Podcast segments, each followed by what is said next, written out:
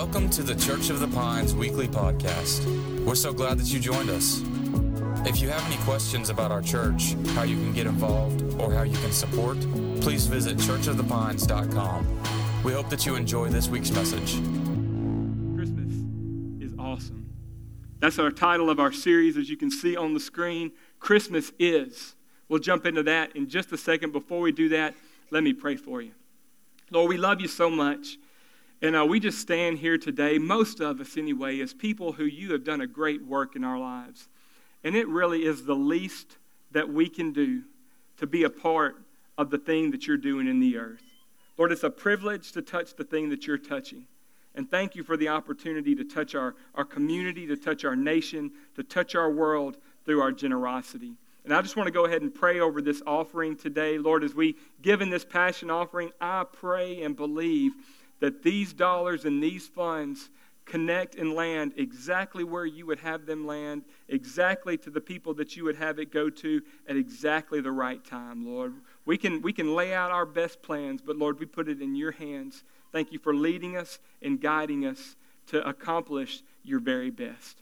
As we get ready to jump into this message today, Lord, I thank you for the experience that we've already had. I thank you that you've already begun to stir in people's hearts and in people's lives and in their minds. Lord, maybe something fresh and something new, maybe a brand new awareness today of your presence. And as we get ready to open up your word and to, to hear what your word has to say, Lord, I just thank you for fresh revelation. Lord, help us to see it brand new. As a matter of fact, that's our prayer. Why don't you pray this after me? Say, Dear Lord, those things I don't know, teach me. Those things that I haven't seen, show me. And those things that you have prepared for me, prepare me. In Jesus' name, amen. Amen. Christmas is. Christmas is a lot of things to a lot of people. Matter of fact, I know that I could go through every person in here and ask you, what is Christmas? And we get all kinds of answers. I researched, did a little research on, on what different people say Christmas is. I got this one answer Christmas is candles burning low, lots of mistletoe, lots of snow and ice everywhere you go. At least that's what Stevie Wonder says it was in his song, That's What Christmas Means to Me. That's not what Christmas means to me in East Texas because we don't get snow and ice at Christmas. That, snow and ice and Christmas are, are like polar opposites for us in East Texas. But maybe you come from a different part of the country, maybe that's what Christmas means to you.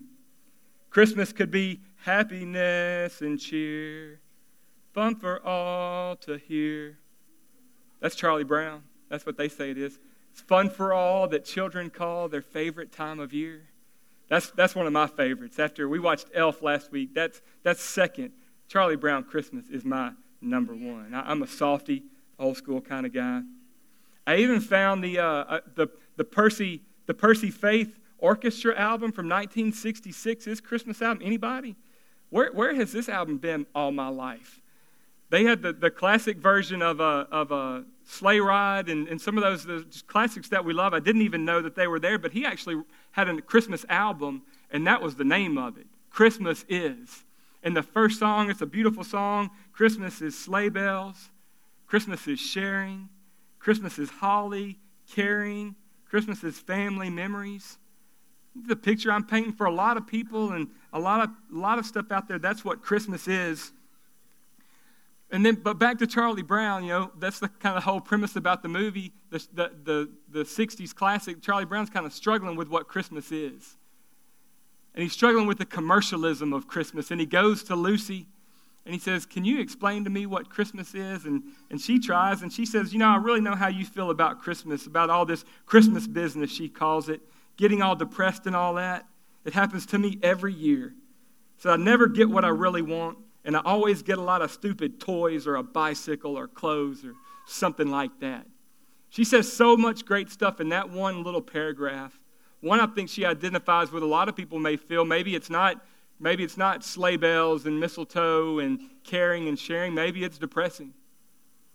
We're not doing a felt need series this Christmas, but I do recognize that it can be a hurtful time of year for a lot of people confronted with and reminded of hurts and family of the past. I'm actually in this season right now, as we speak today, we're kind of in a season where we could be spending the last Christmas season with my grandmother. She's in this time, like, and it's in these seasons that that that we walk through these things and it and it grips us and we're reminded of it and it marks us. But then she also says, I get a lot of stupid toys and a bicycle and clothes like that. So Charlie Brown says, Well, what do you want? She says, Real estate.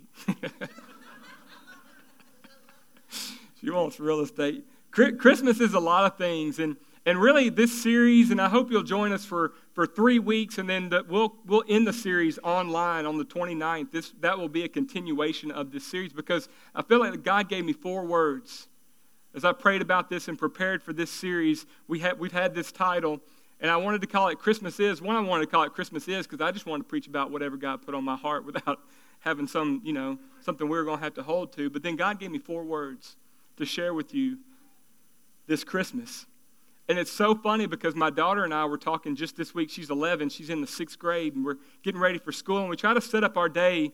Uh, we get up a little early, get the clothes laid out the night before, and try to be intentional about having a few minutes in the morning that we're not pressed running, that we can just sit down and talk. And she sat on, at the dining room table. I'm standing in the kitchen, and she's eating her breakfast. And she says, Dad, she said, We're having a debate. She, she, she thinks she wants to go into debate class in high school. I'm like, Help us, Lord. We hadn't even gotten started yet. Sixth grade, wanting to be in debate. And uh, she says, she says, we're, we're having this conversation in school. She said, What do you think is more important to the believer? Christmas or Easter? It's like, well, that's a really deep question that you're asking me. And so they're, they're debating her, her, her sixth grade class, and one of their classes is going through this, talking about what's more important Christmas to the believers, she said, Christmas or Easter. And maybe you're here today, and I just I don't want to run past this moment. Maybe you're here and you don't know the difference. So I'll just share with you real quick what, what the difference is. Obviously, we celebrate the Christ, we're celebrating Christmas right now, which is a time of year that we celebrate the birth of Jesus Christ, who came and provided Easter. So today, this season we celebrate the birth of Jesus. There's a lot to it, and we'll talk about that more in the season because it's Christmas time. So that's what we're talking about.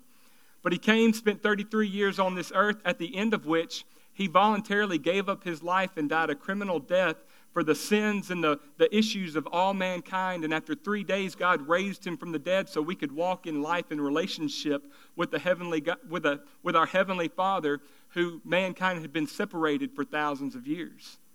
So we have these two things, and so, you know, you may be able to pick a side on that real quick. Well, obviously, Christmas is more important because without Christmas, we wouldn't even have Easter, right? But if we didn't have Easter, it would render Christmas completely pointless. So you can see the debate that can kind of revolve around that and, and what's happening there. But as I got to thinking about it, and it was so awesome that we sang this song this morning because I didn't even, like, it completely wraps that up, right? That's, that's that last song we sang about King of Kings, is that he came he, it was a miraculous story. He came, he lived, and he died so that we can enjoy relationship. And some people will get real bent out of shape this time of year, and I even saw it, uh, see it on social media everywhere right now. You know, I, Jesus wasn't born on December 25th. I don't know if you knew that or not. Uh, I just want to let you know if you did, and that's like a sticking point for you. I just want to let you know I know that. Like that. I, I don't really think it's a thing. And he didn't die on whatever day Easter falls on randomly every year. He, he didn't die. And honestly, it was in the Middle East, so whatever time and day that was, it was not the same day that it was here in the first place. I think that's right. I'm not the smartest guy in the world, but I think that's, I think that's accurate. And can I just be honest with you for a second? I could care less what day it happened. And I hope that, that you hear me and that you can agree with me too. I don't care what day it happened on. And I really would hope and my prayers to lead a church that doesn't care on what day it happened and that we celebrate it 365 days a year. That we're not waiting for one day a year to celebrate Jesus. And we're not waiting for one day of one day a year to celebrate the resurrection that brought us life and relationship with our Heavenly Father. I don't need that day. Can I tell you what it is now, though? And what I hope for those of you who call Church of the Pines home, and for those of you who are trying to kick, in the tires and try to figure out what we're all about, we're a church that we're going to do everything we can to leverage this thing we call Christmas to point people to the Savior who came. lived and died for them. And that we're going to leverage April uh, or March, whichever one it falls, because it doesn't, it, can you hear me? It doesn't matter. It happened. And we're going to celebrate that it happened. And we're going to let people know that it happened. And we're going to use these seasons and we're going to leverage these opportunities to help more people know about our God and our Jesus than ever before. And if you're wondering what we're all about, that's what we're all about. And if you're trying to find a church to get plugged into and be a part of, I want you to know you found it because that's what we're going to do. Matter of fact, we'll leverage these holidays. We will leverage anything short of sin to help people know Jesus. Anyway, sorry, I'm preaching. Told you I hadn't preached in four weeks. But what I thought about when Mia asked me this question which one is more important to the believer, what I thought about, regardless of all that, that they are both ex- expressions of the most incredible display of generosity that anyone has ever known. And I really didn't want to, if I can be honest with you, I really didn't want to share a message about generosity on our Passion Generosity Sunday because I don't want you to think that I'm trying to manipulate you. And I'm not. I'll just be honest. I, I, I, had something else that I wanted to talk about today and that I had planned to talk about. But there's just several things came together, and the Lord said, This, this is it. But today, Christmas is generosity. And I think you know that. I mean, we look around, we look around at Matthew was talking about earlier this morning at Target, like people are out buying gifts and, and we're out to be generous, that we're giving to each other. And, and it really is like Charlie Brown and, and his gang saying, it, it really is the, the, the fun for all. It's children call their favorite time of year. Why is it? Why? Because they get stuff, because somebody's generous to them. It's a time that we, we are more prone to share than any other time. It is the maybe the one time of year that you get together with a family who you don't see very much. Maybe it is that one or a couple of times a year that people go to church, not even because they're saved, but because they recognize that that is a center for hope in this season. It's generosity. That God sent Jesus, and that's our theme uh, verse for today. For the next couple of weeks, we're going to talk about the story and, and Christmas is out of Matthew, and we'll look through Matthew shares the, the, the gospel Christmas story. And uh, Luke shares the gospel Christmas story as well, those, those traditional stories that we know. There's four gospels, only two of them share the story. I don't know if you knew that or not. But to me, one of the most impactful Christmas verses isn't found in either one of those. John tells the story of Jesus. He doesn't include it, but I think Jesus himself gives us the most impactful Christmas verse that there is. John 3:16. Normally I read our opening text out of the Bible. I don't need it, and you don't need it either even if you don't even if you're not Christian or been around church so much. But John 3:16, Jesus says for God so loved the world that he gave. Everybody say gave. For God so loved the world that he gave his one and only son that whoever believes in him shall not perish but have eternal life. And goes on to say, who would even do something like that? The Apostle Paul, who wrote most of the New Testament, said that, that scarcely a man would give himself up for good people. But yet God sent and sacrificed his one and only Son so that people who were dead wrong, so that people who were far from relationship from him could experience eternal life. You know, I've often heard it said that God sent Jesus to solve our, our sin problem. And I, I might repeat this here in a minute, but I, I want to say it here too. God sent Jesus to solve our sin problem. And yes, we do have a sin problem. But I think a heart of generosity doesn't look at the sin problem. I think God sent Jesus to, to restore the relationship potential. Because it's the sin that keeps us from relationship. And God was willing to do whatever He needed to do to remove the thing that stood between you and Him. And that's what Jesus did. Is generous. Christmas represents the most generous time of year. And when I read this verse, for God so loved the world that he gave his only Son, that who, whoever believes in him would not perish but have everlasting life. And then I see three different kinds of generosity. Three different kinds. God is all about generosity. I see number one, an open heart generosity. That God has just spent eternity looking upon his creation. How can I help them? How can I further them? How can I move this plan forward? You know, he could have done it any way he wanted to. Right? He's God, right? He's big. He could have done it any way he wanted to, yet he has chosen to do it through man. And time and again, he has looked throughout mankind with a desire to help people, help people who can help people, who can help people know him.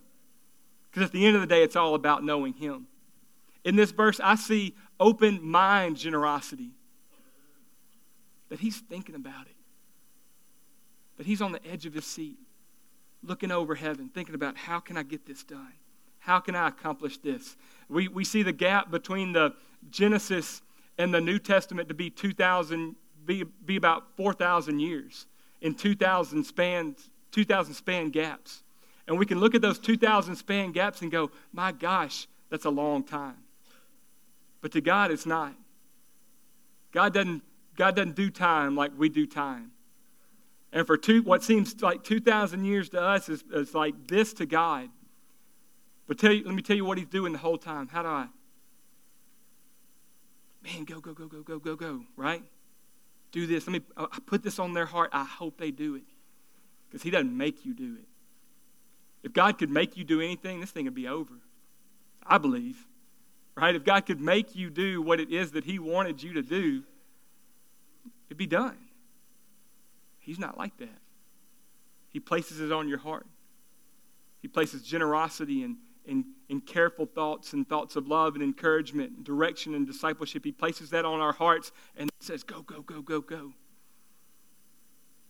Hebrews even says that the grandstands of heaven are standing up there. Everybody that's gone before Abraham, Moses, David, Jesus, your grandfather, your sweet grandmother who loved God. Are, the Bible says that they're all standing in the grandstands of heaven, cheering you on saying, Do something with this thing that God has given you. It's on his heart, it's on his mind, but it's also in his hands. I see in this open handed generosity that he didn't just say it and he didn't just think it, he did it. He did it. And I believe God's looking for a church. I believe God's looking for a people who don't just think all the right things, that's important. But they don't just say all the right things. Come on, somebody. We can say all the right things. God's not looking for a church that can say it all right. You're at the right place for that because I'm that guy. Because at the end of the day, you can think it all day long and you can say it as eloquently as possible. But if we never do it, again, that's what could render Easter, Christmas would be completely pointless outside of Easter if Jesus had never did what God sent him here to do. He's thinking about it, he's talking about it, and he's putting it in action. That's what Christmas is. Christmas is God putting his generosity plan into action. Generosity that extends eternal life to you and to me. That at the end of this life, this is not all that there is. That there is, the Bible tells us that there is more that is unseen than what it is that we see and that this earthly experience is but a fraction of eternity.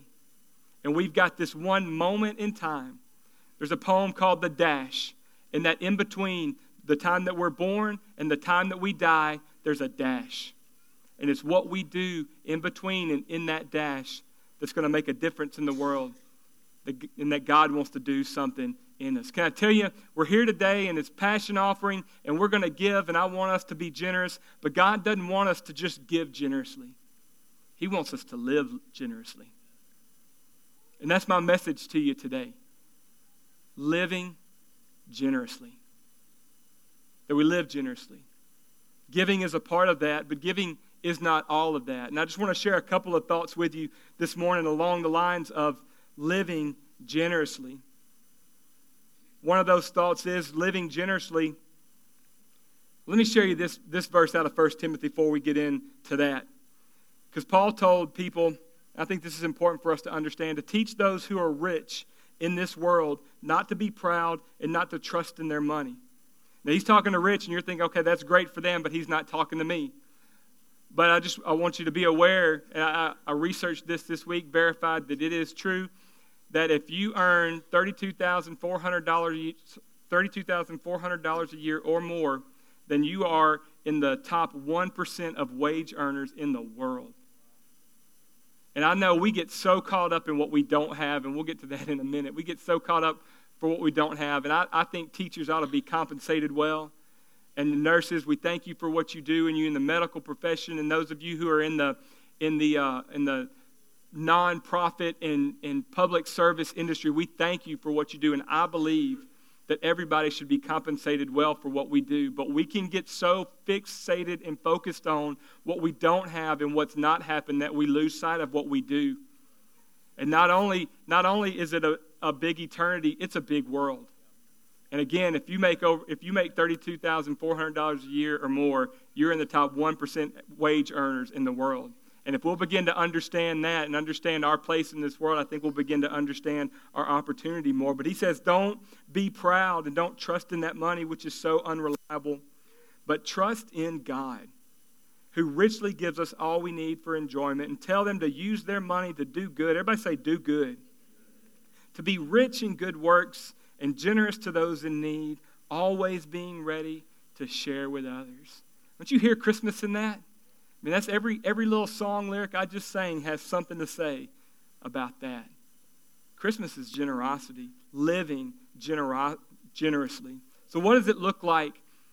And what does it mean to live generously? What happens when we live generously? Well, number one, if you're taking notes, and if you're not, they're going to put it on the screen, you can follow along. Number one is we live out our God created identity.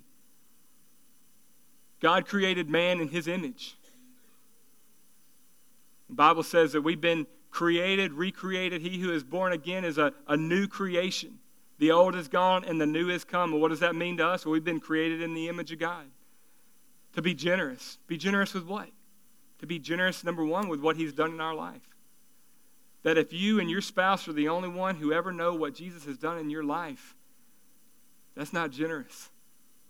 God's done something in you so that you can give it to somebody else. When we transition from our our, our church that we served at for 15 years to come plant the church. People would come to me, We're going to miss you so much. Thank you for what you did for my child. We were youth pastors. Thank you for what you did for our family. We thank you and, and love you. And I even, some people like appreciated us this morning for Christmas. And my response always is whatever it is that you think that I did for you, all I ask is that you turn around and do it for somebody else. That if it stops with me to you, then, then what I've done has failed. To live generously, to take what we have been given and pass it on to somebody else. I love these words of Jesus out of the message paraphrase. It says, In a word, what I'm saying is grow up. Your kingdom subjects. Now live like it. Live out your God created identity. What does that look like? Jesus lived generously and lived graciously towards others because that's the way God lives towards you.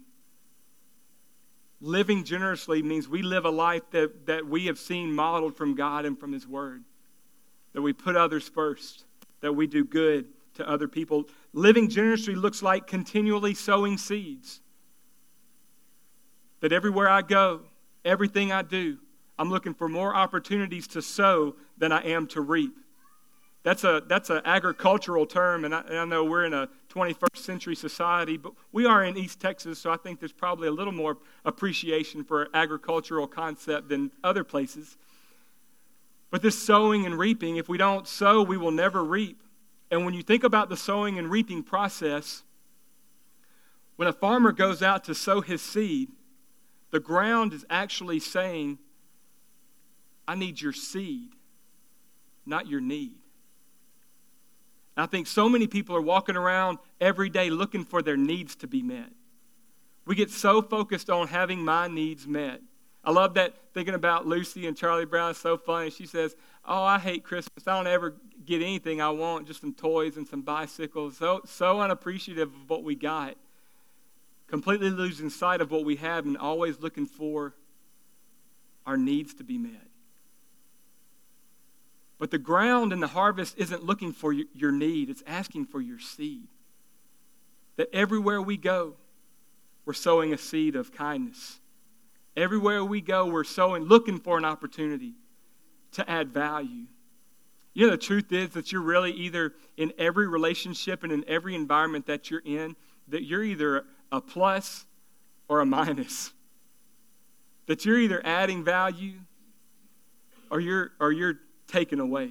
I don't know about you, but I want, I want to be an add value kind of guy everywhere that I go. I, I don't want them to. I don't want to be that guy that when people see me coming, you, you, everybody knows somebody like that. I, nobody in this room is like that. I know, but everybody knows somebody. Everybody knows somebody like that. That when you see them coming, you're like, oh, here they come. Oh gosh, help me, Lord. Take me, Lord. Then you realize there's a better response than that. Take them, Lord. I got still got stuff I want to do. because it's so it's it's so much better and we all recognize that it's so much better to add value than it is to take away and that's a, a generous life is in every way every day in every way looking for, for ways to sow seed to give and not to take it's not about me it's about them here's another paraphrase from jesus out of the message bible matthew 6 3, he says, What I'm trying to do here is to get you to relax. I know we're talking about generosity and money in church at Christmas, and some of you, I, I can feel it. You're like holding on to something. Jesus, relax. Just relax. Don't be so preoccupied with getting so you can respond to God's giving. It's hard to see what God's doing when we're focused on what we need. Because what He's doing, well, I jump off for a second because what he's doing is not always what we want him to do. And what he's wanting to do in your life is not always what you think you need him to do in your life. And some of you need to say, Thank you, Lord, because he spared you for something and he saved you from something. We, we have these prayer request cards. Matthew will talk about it at the end. And uh, we pray over these cards every week, and there's some prayer requests on these cards. And I'm like, Lord, I don't know if I can pray that for them because I don't know. Do your will in their life. Do what, do what you want to do in their life. And we can get so focused on our need that we'll really miss what God's trying to do because it doesn't have anything to do with what, what it is in this little temporary, short sighted moment we're having right here. He says, People who don't know God and the way He works fusses over the little things. But you know both God and how He works. And some of you here, you do. So steep your life in God reality, God initiative, God provisions, and don't worry about missing out. You'll find all your everyday human concerns will be met. Generous livers are those who sow seed, those who give. And I want to encourage you to judge your days. How do I know if I'm living a generous life? Judge your days by what you're able to give and not by the blessings that you receive. We get a lot so caught up in what we don't have and what we need that we completely miss the opportunity to sow the seed. I don't think they've got this to show on the screen, but it says, Jesus said, Give away your life. And when you give away your life, you'll find life giving back. But not merely giving back, giving back with bonus and blessing. Giving. Listen now, giving, not getting, is the way. And generosity begets generosity. So I want to encourage you if you're looking for to, to grow and to live a more generous life, focus on your giving and not on your living. Give it away. Another thought is that living generously, when we live generously, we grow in our faith. There is just something about living a life bigger for something bigger than myself. Jesus knew that. The Apostle Paul knew that. That there's when, when I'm putting other people first, and when I'm living my life in a way that blesses others, encourages others, puts others first, when you begin to live that kind of life, you begin to live a life that's so much bigger than you. You'll begin to see life in a completely different way. Faith is the, sub- the evidence of things not seen, the substance of the things that we hope for. And when you begin to put others first and live a life bigger than yourself, then you'll begin to experience things that you never even thought could come happen could happen. And that's not a natural thing. That's a supernatural thing. And if anybody stands up here in front of you and tries to tell you that they got it all figured out on how that works, they're lying because we don't know. Jesus even said that, man, you put the seed in the ground, and we got great science books and great biology books, and they can kind of tell you, they can tell you what happens, right? Metamorphosis and that, that kind of stuff. I can spell, I can't do math or science. So, you know, so there's, you put the seed in the ground, and we know what happens, but nobody can tell you how. Nobody, nobody can tell you where it began that that dirt did that thing to that seed. We know the what, we don't know the how. And I think a lot of times as Christians, we're so focused on the what that we lose, and, and we want to know the how, but there's just some things in this faith life that we live is one of those things. We want to figure it all out, but if we knew it all, it wouldn't require faith. If we could figure it all out, it wouldn't require faith. Generosity and putting other people first, there is something on that, and we did a series called Naturally Supernatural. That there are things about this life that the Bible just says if we will do it naturally, that God works out something supernaturally. And you can spend your life trying to figure out how He does it, or you can just spend your life doing it. And I'll tell you something, I want to be a kind of guy that does it.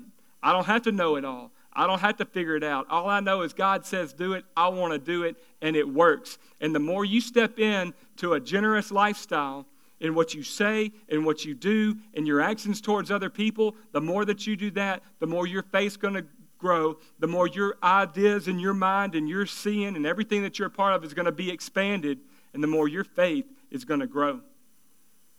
Peter even says that that's that, that faith is not everything there is into it. 2 Peter 1 5 through 9 says, In view of all this, make every effort to respond to God's promises. And how do you do that? You supplement your faith. So it just starts there.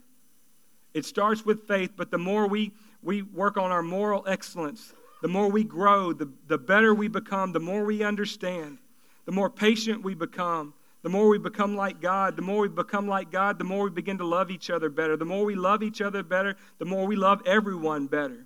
And the more you grow like this, the more productive and useful you will be in your knowledge of our Lord Jesus Christ. But those who fail to develop in this way are short sighted or blind, forgetting that they have been cleansed from their old sins. That we grow. When we live the life God's called us to live, we will grow in our faith. Something else is we attract other people. Generous living is attractive.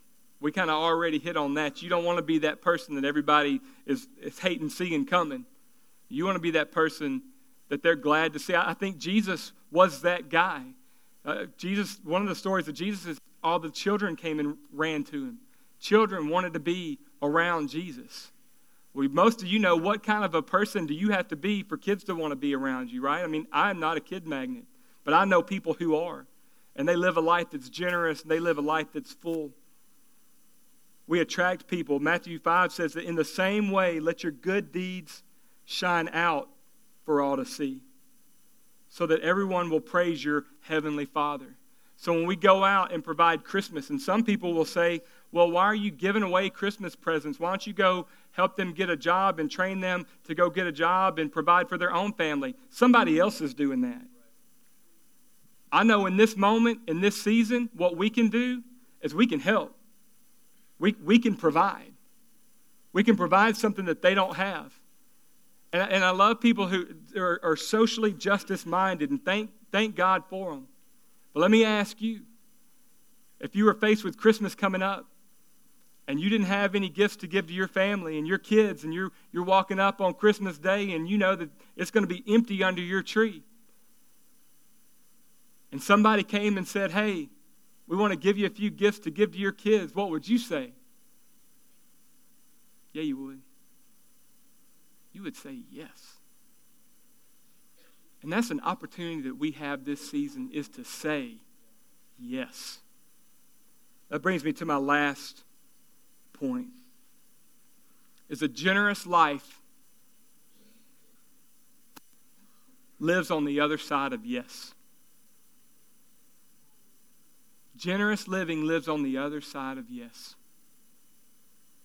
I had a, a, team member came to me just last Sunday. We were setting up. Team member came to me and said, "Hey, I've been meaning to talk to you about something, which that always frightens me. I always hate hearing that as a pastor. That's kind of that's not the way I like a sentence or a conversation to be set up." I just want to let you know something. He said, I'm in. Like we've been here. I love it here. And I just want you to know I'm in. And I kept waiting for like a but, you know. A lot of times that's how those conversations go. So I just kind of, and he just kind of said it a couple times, just, we're in. That's awesome. He said, my, my life has been changed. My family's been changed. And whatever it is, we're in. And that is living on the other side of yes. That we've experienced something and been a part of something. And when it comes to God and when it comes to the kingdom and when it comes to kingdom relationships and, and God working and moving, that a generous life is predisposed, predisposed to care, to share, to give, and just to be a part of it all. That's a life living on the other side of yes. Philippians 4 8 through 9 says, And now, dear brothers and sisters, one final thing, Paul says fix your thoughts. Fix your thoughts on what is true. That live a, li- live a life that thinks on the things that are honorable and right and pure and, and lovely and admirable. This is the life thinking on these things, focusing on these things. Think about things that are excellent, that are worthy of praise. Keep putting into practice all you've learned and received from me and everything you heard from me and saw me doing. And when you live this yes life, when you're living on the other side of yes, it's where the peace of God will be with you. It's so easy today to be focused on the negative it's so easy in our culture to live on the other side of no. And how you think really determines so much about your life. If you live your life living on the other side of yes, then there's always opportunity. You live your life on the other side of yes, you see the potential before you see the problem. When you live on the other side of yes, you see the opportunity before you see the difficulty. And that's really my thought that I shared with you earlier. Is we can either look at God sending Jesus to solve our sin problem, or we can look at God sending Jesus to restore our relationship potential. And I think the way that you view that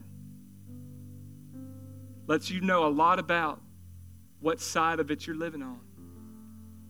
And I want to encourage you. A generous life lives on the other side of yes. A, a great local uh, historical representation of that uh, comes right out of Longview with R.G. LeTourneau, founder of LeTourneau University. Now, I don't know if you know his story, but really is one of the greatest philanthrop- philanthropists in American history. It's said of him that he lived on 10% of his income and gave away 90%. What kind of life is that? To live on the 10 and give the 90. What if we lived on 10% of our joy and gave the other 90% of our joy away? What if we only could, what if we only focused on giving 10% of our time to the things that we need to do and found a way to, to give 90% of our time to other people? What would it look like financially? How much money would you need to live on 10% of your income and give the other 90 away? Incredible. Did incredible things. He wrote a he wrote an autobiography. And he said you will never know what you can accomplish until you say a great big yes to the Lord. And that's where generosity begins. I believe that you can never experience and live the full, generous life that God has provided for you until you first say yes to Him. Making Jesus the Lord of your life is the beginning of a generous life. Because you can never know how lost you were. You can never know how rejected you were. You can never experience and understand how deep in the mud you were until you focus on and realize the greatness of the love and the relationship that God extended to us through Jesus Christ. And people got all kinds of reasons and excuses for saying yes to Jesus. I, I got a brother. He doesn't know the Lord. And he is afraid to say yes to the Lord because he's, he's scared it's going to wreck his marriage. Breaks my heart. And he'll say, I can't do that. Have you ever said something like that? Somebody said, Hey, let's go do this. And you say, We can't do that. I can't do that. You're saying, Les, I'm, I'm here and I, I can't say yes to Jesus because you don't know what I've done. You don't, I don't care how generous you make him out to sound. If you knew what I had done and where I had been and what I had lived, if you knew what I said to my wife on the way to church this morning, you would know that you're not talking to me. I can't do that. And I, I had a friend, Robbie Broom, in junior high. He was most, one of the most obnoxious, annoying guys that I've ever known. And he would always say, anytime we came to something like that, and I'd say, man, you can't do that. You know, for him, it was always something crazy. We'd always say, man, you can't do that. And he'd say, well, you, you can. when we say, I can't, we're not really literally we don't really literally mean that we like we physically can't do it. It just means we're scared. Sometimes it means that maybe we shouldn't, and that's usually what me and Robbie's conversations were. But today you should. And you may have been saying for a long time, I can't. I, I can't say yes to Jesus. You may be here today and you say, I can't live a generous life because I don't have anything. Can I tell you, it doesn't start with what you don't have, it starts with what you have. And today, if you're here and you don't have a relationship with the Savior who we've sung about and talked about, who gave you an opportunity to have a relationship with the God who created you and loved you, then that's why He brought you here today. So I want you to bow your head and close your eyes. And today, I want you to say yes. I think we've laid out the story. I think we've laid out the generosity and the plan that God has. And today is your day to say yes to a relationship. I'm going to count to three and I'm going to clap my hands. And if that's you, I want you to lift your hand and let me know you're making that decision. We're not going to call you to the front. We're not going to bring attention to you. We're all going to pray a prayer together out loud. I just want to know who I'm praying with. So if that's you and you're here today and you are ready to say yes, on three, one, two, three. Thank you. Awesome. And hands all over the room saying yes.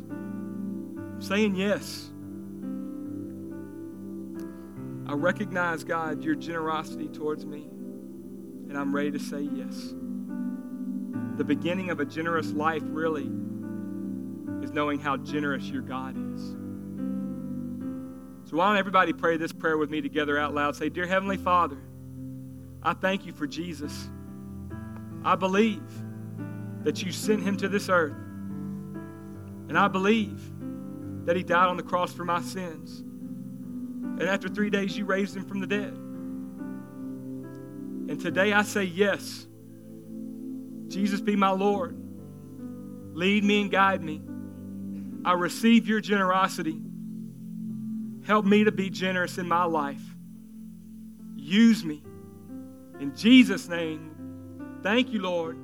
Amen. Come on, church, let's celebrate all those decisions that were made today.